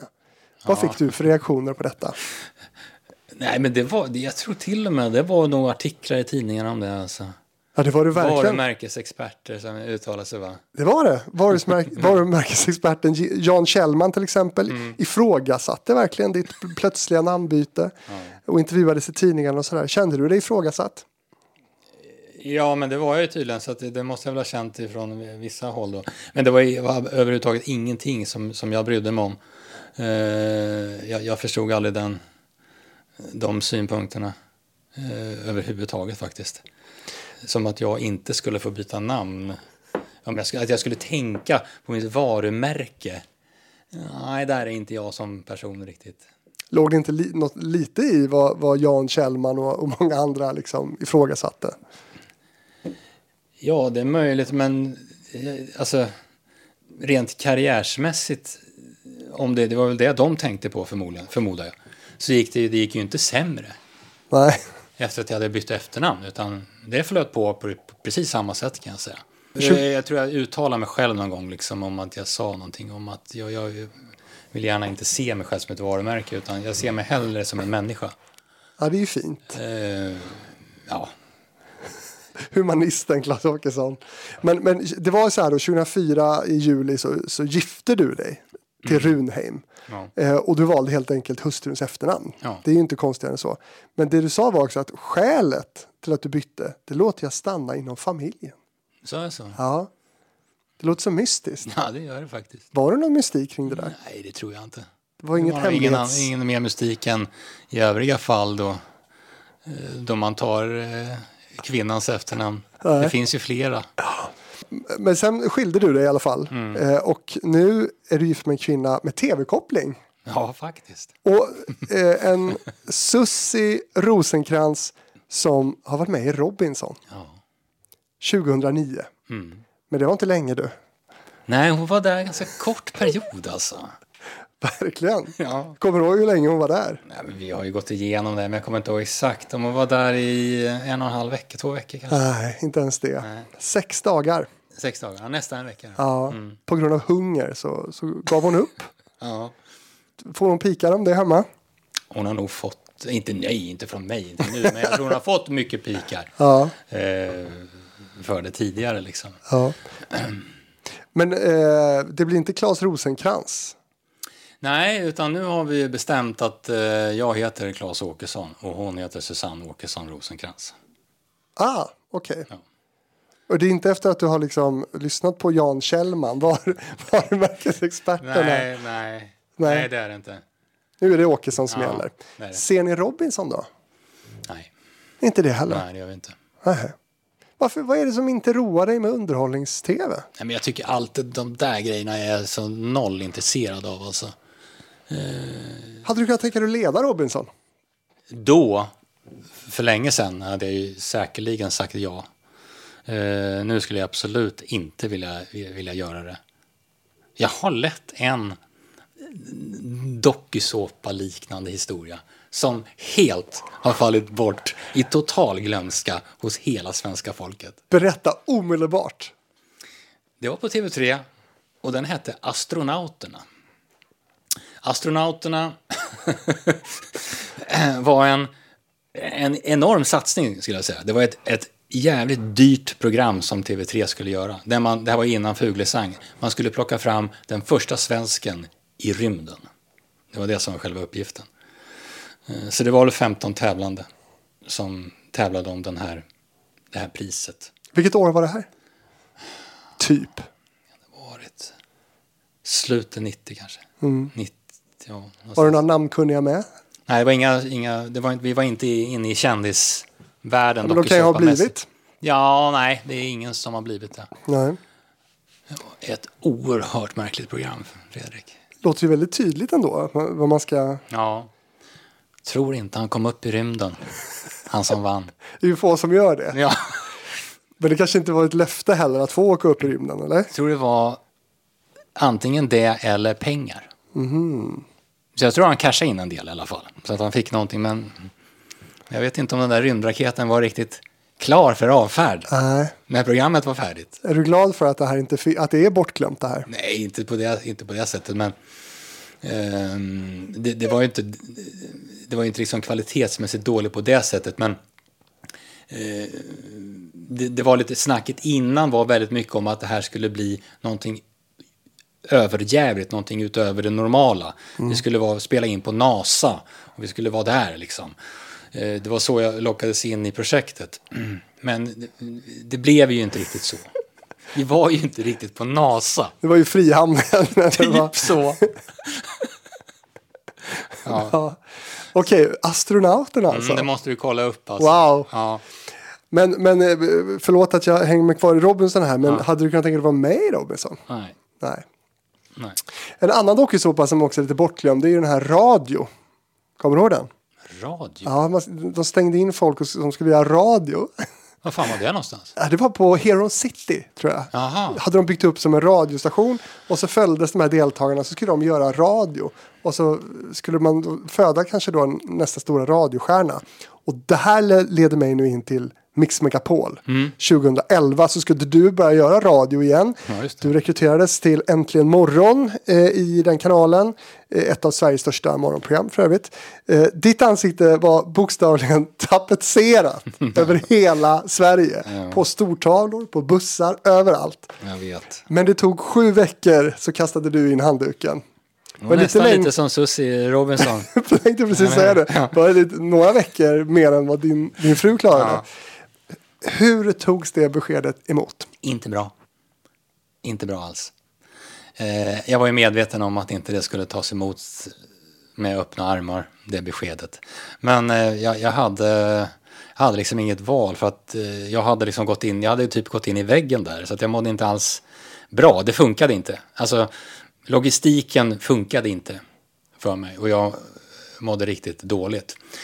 Och Bara för att folk ska förstå hur det var då, det är ju en väldigt kort period, men eh, jag gjorde Vem kan slå Filip och Fredrik i samband med det här Äntligen morgon. Så att då gick jag upp vid halv fyra på morgonen, åkte till radiostationen, gjorde Äntligen morgon med Gry och Anders fram till 9.30, spelade in trailers till nästa dag efter det, hade möte och hur var programmet idag? Och åkte därifrån eh, till inspelningar av Vem kan slå Filip och Fredrik som jag tror var i Frihamnen. Alltid frihandel. Eh, och det var ganska komplicerade inspelningar eftersom det ska vara lite live-tänk i det. Så de inspelningarna tog ju oerhört lång tid. Eftersom det var på olika positioner också, ibland ute, ibland inne. Och kameror ska flyttas, och du vet ju, du vet ju det. Så jag var ju sällan hemma före klockan 11, halv 12 på natten. Och så skulle jag försöka sova. Och så skulle jag gå upp vid 3, halv 4 igen. Och så skulle det rulla på så. Och jag kände liksom mitt i det där att det här går inte. Nej, men det hade ju vem som helst kunnat berätta för dig innan. Ja, men jag hade fått eh, löfte om att om jag gör tv på det här sättet så kan jag bli entledigad från Äntligen morgon. M- Men jag, jag skulle köra Äntligen morgon lik förbannat. Och det blev för mycket för mig bara. Så det, det, det är inte svårare än så. Men hur, hur togs beskedet emot? Kan du berätta om det mötet? Ja, jag hade ju åkt en taxi till radiostationen den morgonen. Och jag såg ju vad som fanns på taxibilen. Det var en väldigt stor bild, precis som du sa, på mig, Gry och Anders. Och jag såg andra taxibilar som såg ut på samma sätt. Och det var ju väldigt nya dekaler, de var ju precis ditsatta för fan. Nystrifade fina. Så jag, jag, kom, jag kommer in och ska berätta det. Så, och då säger jag bara, jag säger att jag, må, jag har en liten grej som jag måste berätta. Och de var ganska, de var ganska, eh, jag var ganska nöjda så här långt. Det hade gått bra liksom med Äntligen morgon. Så de, de var väl lite på liksom. Fan vad kul det här är. Det här går inte längre, så jag. Jag pallar inte. Jag måste lägga av. Och det var ju ganska mycket tystnad efter det beskedet. Det var ett jävla svårt besked att eh, leverera. Men jag hade inget val. För jag var alldeles för kraschad liksom. Det gick inte. Ehm, så ja, det, det finns inte så mycket mer att säga. Det var en jävla, de hamnade i en jävla svår situation eh, på grund av mig och det är ju, det tycker jag ju inte känns, det kändes ju inte bra. Det kändes ju riktigt dåligt. Men hur länge körde du efter att du lämnade det beskedet? Eller gick du på dagen? Eller? Ja, jag minns inte, men det var nog ganska mycket på dagen tror jag. Det fanns nog ingen anledning. Vem tog Ja. över? Vem tog över? Men Gry blev väl eh, efter det Huvud. huvudprogramledare. Så var det väl ja. Mm. Vi ska väl säga här också, eh, for the record, att eh, jag också gjort lite morgonradio med betoning på lite, men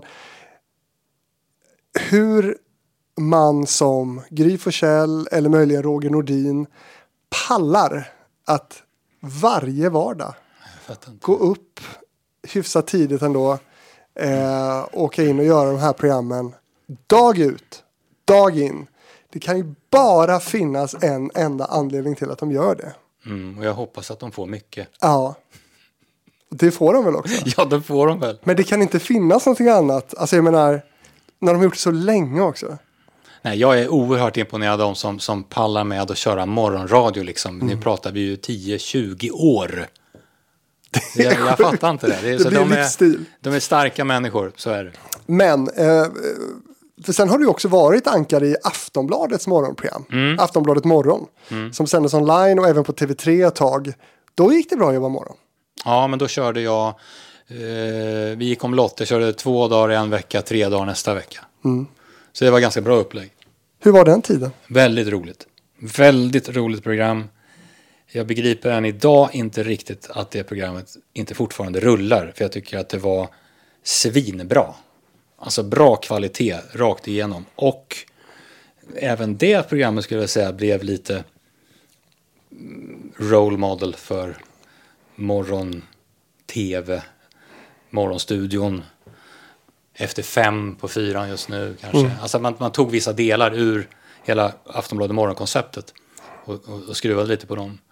Nej, jag tyckte det var, det var också ett sånt där program där man hoppar emellan intervju eh, Reinfeldt till eh, kontakt, direktkontakt med en CNN-reporter eh, under stormen i Florida. Liksom. Det, det, det, det är där, där, är, där trivs jag som absolut bäst i den typen av eh, program. Jag har pratat med några som jobbar med dig på Aftonbladet morgon och de säger att du var otroligt noggrann och läste på långt in på nätterna och jobbade otroligt mycket. Sov inte så mycket heller tror jag. Nej, det gjorde jag nog inte när jag jobbade. Nej. Nej, Det såg jag inte mycket. Nej, men det, ja, jag, jag, jag tror inte jag var sån från början. Jag, var ganska, liksom, jag tror jag var lite slarvig.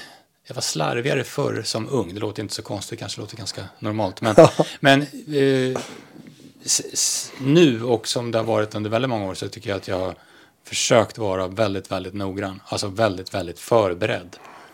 Um, väldigt viktigt i sportsändning till exempel när du, när du ligger live att, att vara förberedd. Att, liksom att ha, att ha en, en, en tydlig bas att stå på. att Här är jag och hit vill jag. Sen kan det bli en massa stickspår men jag vet, jag vet vart, jag, vart jag ska hela tiden. Liksom.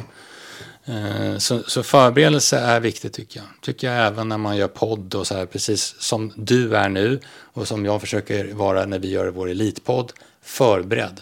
Det finns för många poddar som inte är förberedda, det är bara ett jävla chatter alltså. ja, det fixar inte jag. Nej. Alltså sådana här snackpoddar, det funkar inte för mig. Eh, men, eh, men i alla fall, eh, det låter ju som när du pratar nu så låter det ju som att du skulle vara perfekt materia som programledare för just Nyhetsmorgon, Morgonstudion, Efter fem. Är det något du vill? Det skulle jag vilja. Det skulle passa mig bra. Den, den, den typen av program, helt klart. Sen om det skulle liksom funka logistiskt och sådär. Eh, det vet jag inte, men det kanske, det kanske skulle göra. Men själva programupplägget och som det ser ut och vad man vill med programmet. Det, så skulle det vara en bra plats för mig. Ja, det skulle det. Då, då har du sagt det. Ja, ja, men så är det. det, det jag gillar ju, jag tycker ju väldigt mycket om den typen av journalistik. Så att, Är du, är du tillräckligt het på marknaden för att få göra den typen av program? Nej, det tror jag inte. Nej, det är jag nog inte. Jag, jag, jag tror jag har... Det där är en jävla svår fråga. För någonstans kan jag tycka idag liksom att, att kvalitetskontrollen är liksom inte riktigt lika viktig längre. Jag vet inte hur jag ska förklara det. Det är jävligt viktigt hur många följare man har eh, när man anställer folk eh, på många olika ställen, men, men framförallt i media. Och det kan, jag kan ha förståelse för det till viss del, men ändå så tycker jag att det som går ut när lampan lyser rött, det är det som är viktigt. Det är där jag vill ha 100% kvalitet. Så, så att jag... Ja, Ja, du förstår vad jag menar. Ja, absolut. Jag förstår vad du menar. Du, vi, vi lämnar Aftonbladet. Eh, idrottsgalan, ska vi säga någonting om det? Du ledde den två eller tre år, va? Jag ledde den tre år, producent typ två år va? Ja, 2011 någonstans producerade du. ja. Eh, det känns ju som att det är sjukt svårt att få sådana här galor att, att svänga alltså. Kanske i synnerhet Idrottsgalan, jag vet inte. Mm. Nej. Men varför är det svårt? Ja, det är väl för att man, har- man gör dem i ett stort rum. Det, det, det är svårt. Det är svårt med humor, det är svårt med komik i ett stort rum. Globen typ. Ja, svårt att få det liksom få det att lira helt enkelt. Men däremot kan man göra bra galor tycker jag. Absolut, det är klart att man kan göra det. Ett jävla bra exempel där från Idrottsgalan, det var när jag var producent. För då fick jag, jag var verkligen, verkligen inspirerad av Bosse Renberg från 7-9-tiden. För han kunde ju stå typ under repetitionerna en lördag för, förmiddag. Vi skulle sända klockan sju på kvällen, kanske fem sex timmar senare. Då kunde han bara säga stopp, bryt, lägg ner, var tysta. Jag vill ha en helikopter i studion. Då fick han någon vision om en sak som måste bara in i det här programmet. Och det kunde vara i princip en så pass stor sak som en helikopter. Och ofta på den tiden så på något sätt så, så fixar man ju fram allting. Allting var möjligt på något sätt. Och när jag gjorde Idrottsgalan då fick jag någon idé om att ja, fan vi ska, jag vill ha, jag vill ha Hives. Jag vill ha Hives i öppningsnumret. Bara i en minut. Deras låt Come On. Och sen så går de. Jag vill bara ha dem där som öppning. Bara som överraska. Ska bara smälla till. Ja, men det går ju inte. De är ju på ny turné och bla bla bla. Men jag fick på något sätt tag på The Hives. och ställde frågan. Och så löste det sig logistiskt. De fick ganska mycket pengar för det. Flög bara till Sverige, kom in till Globen. Vi ställde upp deras jävla bokstäver och lite eld och grejer. Och så öppnade de med en minut Hives och sen gick de av scenen och åkte därifrån. Det tyckte jag var roligt.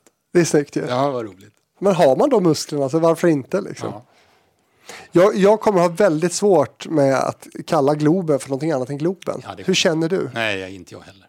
Nej, jag kommer inte ens säga det där andra. Nej, jag, jag, jag har inte riktigt förstått den. Nej, inte jag alltså, heller. med all respekt för hela grejen, vilket jag Absolut. har. Men Globen är Globen. Mm. Men det är också så att vi ofta i, i Sverige känns som vi tar lite liksom, tidiga beslut. Vi, vi, vi, tänker, vi tänker inte hela vägen alla gånger. Nej, men jag tänkte på Zlatan-statyn till exempel. Det också... Mm. Liksom, det var Ja, kul idé. Fan ballt, bra. Men ändå... Tills näsan rök. Eh, men du i alla fall har fått göra de största och bästa programmen. Det handlar om världsmästerskap, bred underhållning, kuppmatcher, pratshower, idrottsgalor, Melodifestivalen. Men du har aldrig gillat offentligheten. Nej.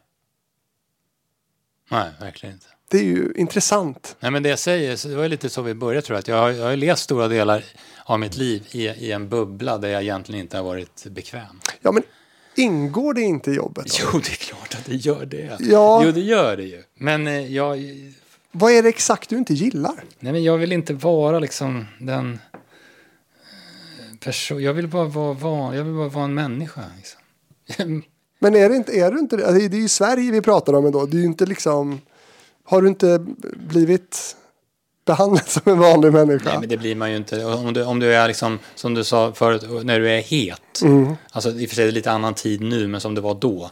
När du är på alla omslag, då, då klart att då blir, ju, då blir ju livet förändrat. Folk ser ju på dig på ett annat sätt. Och jag tror jag har haft ganska stora problem med att folk, eh, många har sett på mig eh, på det sättet som, som tidningar har byggt upp en bild av mig. Det, det tycker jag har varit, jobb, det har varit jobbigt. Liksom. För det, den går ju inte att vända. Den, kan, den går inte att vända bara. Nej. Så är det. Eh, så, så, Men du är ganska fredad nu i Kumla. Ja, där är det ganska lugnt faktiskt på den fronten. Det är inte så många som, som kommer och vill ta selfies. Nej, det är inte så många. Men det händer kanske? Nej, jag kan inte säga inte. att det händer så ofta just för närvarande. Nej, det gör det inte. Idag jobbar du på ATG. Mm. Vad är din roll där? Jag eh, pratar fotboll, typ. Eh, fotboll och hockey ibland. Pratar ungefär på samma sätt som jag gjort tidigare faktiskt. Men pratar i vilket forum? Ja, I ja på ATGs plattformar gör vi väl program och lite magasin kring Premier League och Serie A och La Liga och Champions League och SHL-hockey och så. Och de visas. På ATGs plattformar och dessutom eh, ibland vissa grejer går i TV4, TV12 och TV4. Det är snygg, snygg produktion. Påkostat. Ja, vad sa du? Påkostat. Ja, det är, ja, visst, jag tycker ja, det är snyggt, men det är, det är, in- det är inte liksom i, det är inte Champions League-nivå. Det ska jag inte säga att det är. Men eh, det är snyggt. Jag tycker när det gäller ATG, framförallt det som jag tycker är viktigt att trycka på, det är deras travsändningar eller V75-sändningar. Som jag tycker är, det är helt ofattbart att inte de är liksom nominerade till Kristallen. För de är så pass bra. De är, jag ska säga att de är absolut en av de bästa sportsändningarna som vi har i Sverige. Det är V75-sändningarna. Det var som fan. Folk skulle titta mer på trav. Ja, det borde de göra. Och du, det säger du, eh, ja du, är ju anställd av ATG. då, Ja, ja men- det är jag, men jag har ingenting med travsändningarna att göra. Nej. Det har jag inte. Jag bara tycker att Per Skoglund och Jennifer och Sandra och Micke och de som gör de sändningarna. Det finns ingen annan sportstudio i Sverige ska jag säga, som har det liret mellan varandra. Den casten. Det är ju många stjärnor, svenska tv-stjärnor som har börjat med att göra Ja, trav-tv. det. Det är det. Filip, eh, Fredrik, eh, Wikingsson ja. ja till Ja. exempel, är ju en sån. Just det. Eh, och nu ha, hade jag flera namn på tungan, men nu har jag glömt dem. Ja, men det finns flera. Jessica var- Almnäs säkert. Jessica ja. Jag tror, nu finns inte hon med som en Petra Nordlund hette hon väl va? Ja, McKayen. Hon var ju också på travet ett tag. V75. Ja. Gör fortfarande TV4-nyheterna ibland, hoppar in. Ja. Kul! Eh, God afton communication, ska vi prata om det? ja, just det, mitt eh, lilla bolag. Varför heter det God afton communications? Ja, jag vet inte. Ja, men det var väl för att jag tyckte det var ett roligt namn bara. Det var ingen speciell tanke. Sen förr i tiden så då kom jag ihåg, då sa jag ofta så, God afton Sverige, i, i tv-sändningarna. Så att jag tänkte jag, vi håller God afton då. Det här med God afton och just Sverige, det är ju något som eh, Per Lernström eh, tjatar om till förbannelse Ja. i Idol. Mycket Sverige där. Hallå Sverige och God afton Sverige och Säger han God afton? ses nästa vecka Sverige. Och, ja. Men det är, ja, det är ju inte hela Sverige som kollar på Idol längre det om man det säger så. Nej, det är det kan man säga. Eh, Men du, omsätter strax över två miljoner årligen på en anställd, även under pandemin. Det var ju inte dåligt. Vad, vad är det för uppdrag som är mest lukrativt för dig? Ja, det är alltså... Jag har jobbat nu de senaste åren in... Alltså först jobbade jag på Aftonbladet. Det var fan var det? Två, tre år. Och sen efter det så har jag jobbat på ATG sen dess. Jag har väl varit på ATG i fyra år, något sånt där är det väl nu.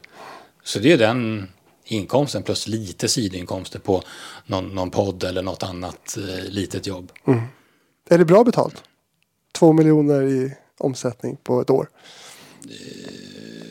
Ja, alltså... Jag tänker inte så mycket på pengar överhuvudtaget faktiskt. Tänk på att jag är public service-anställd här. Jag är väldigt fascinerad över över den årsinkomst. Nej, men det, det, det, jag tycker jag, det är bra betalt. Men man hade ju liksom, jag tror du pratade med Patrik om det också, att nej, jag hade ju ännu bättre betalt förr, tror jag. Alltså, Ja, han tjänar ju gruvligt ja, men med han, pengar. det var nästan märkligt mycket. Var det inte så här sju miljoner eller något sånt där på? Ja, det tyckte jag var mycket. Det reagerar jag faktiskt på. Ja, det är väldigt mycket. Det var väl innan hans influencerliv också? Ja, det var det absolut. Men så var det någon liten råtta. som, som ställde till det. Ja. Ja. han har ju gått väldigt mycket back kan man säga då på, på den där råttan just. Ja. Eh, men ja, det är ju hans historia. Ja. Söker du jobb? Alltså, gör du dig själv tillgänglig för... Nej, jag har för, sökt ett jobb. Ett jobb har jag sökt. Och det var? Det var eh, kanalchef på P4 Örebro. Ah, var det i nutid? Ja, det är ett antal år sedan. Ja. Eh, så det sökte jag. Och då stod det, sa de, till slut mellan mig och en, eh, en annan. Det blev inte jag. Det hade varit kul Ja, kanske. men det hade, varit- jag, jag kände just då i den, eh, när det var aktuellt, att fan, jag var lite sugen på det. Att gå in i eh, lokalradion och, och, och kanske försöka skruva på lite grejer där, liksom, som jag tycker man... Det finns grejer som man kan göra där. Lyssnar du på P4 Örebro? Jag lyssnar ju... Ja, i bilen gör jag det. När jag åker ju mycket bil till Stockholm, så det gör jag. Men eh, lite för långt från mikrofonen för dig kanske. Men mycket så här Kanske. Kanske att jag ska... personalansvar och sånt här jobbigt. Ja, jag vet, men någonstans kan det vara någonting som är lite lockande med att vara liksom en, en att chefa lite över en redaktion. Det kan, men jag tror inte att det kommer bli av. Men Har de ringt från Mass Singer? fan att de inte har gjort det alltså. Ja. Hade du tackat ja? Jag vet inte. Jag kan, jag kan ju sjunga. Mm. Så att... eh, Nej, det är jävligt konstigt alltså att de inte har ringt. Eller det är också, är det inte konstigt? Nej, finns jag, det- jag kan inte säga... Som sagt, jag kan ju sjunga. Ja. För fan. Jag kan Ja. ju ta på mig en mask där och köra bara. Men, men frågan är lite intressant också. För jag undrar, vad har du tackat nej till för grejer? Ja, bra fråga. Det måste vara en del va? Eh, tackat nej. Ja, inte under den första, liksom, säger, den tidiga eran. När man var 25-30. Då tackade jag väl inte nej till någonting överhuvudtaget tror jag. Men sen på senare år har jag väl varit väldigt, väldigt nej tack. Vad har du tackat nej till? Nej men det kan väl vara moderator, alltså eh, moderatorjobb, eh, intervjuer. Eh, det finns väl även tv, det finns väl även någon tv-idé liksom som, som, man, som man har velat pitcha. Som jag har känt att nej det skiter vi liksom. Sen har det även funnits idéer som jag har pitchat. Eh, Men det har jag tröttnat på. Jag, jag orkar liksom inte tjata eh, som man måste göra där. Det, det jobbet ska jag inte ha att pitcha. För att när jag kommer och pitchar någonting, då är jag säker på att den här skiten är bra. Och om personen jag sitter med inte förstår det, Då tappar du Då, respekten. ledsnar, då tappar jag respekten helt. Alltså. Du, nu har vi pratat en och en halv timme om ditt liv i tv här. Hur var det här för dig? Ja, men det var kul. Jag tycker det är roligt. Det trodde jag inte. Nej, Jag är överraskad. vad roligt. Ja. Då ska jag säga att om man vill nå mig, eh, då gör man det på fabrikspost gmail.com. Och så vill jag tacka Claes för detta Runheim Åkesson för att du ville vara med i TV-fabriken. Stort tack för att du ville att jag skulle vara med. Om vi går ner i svart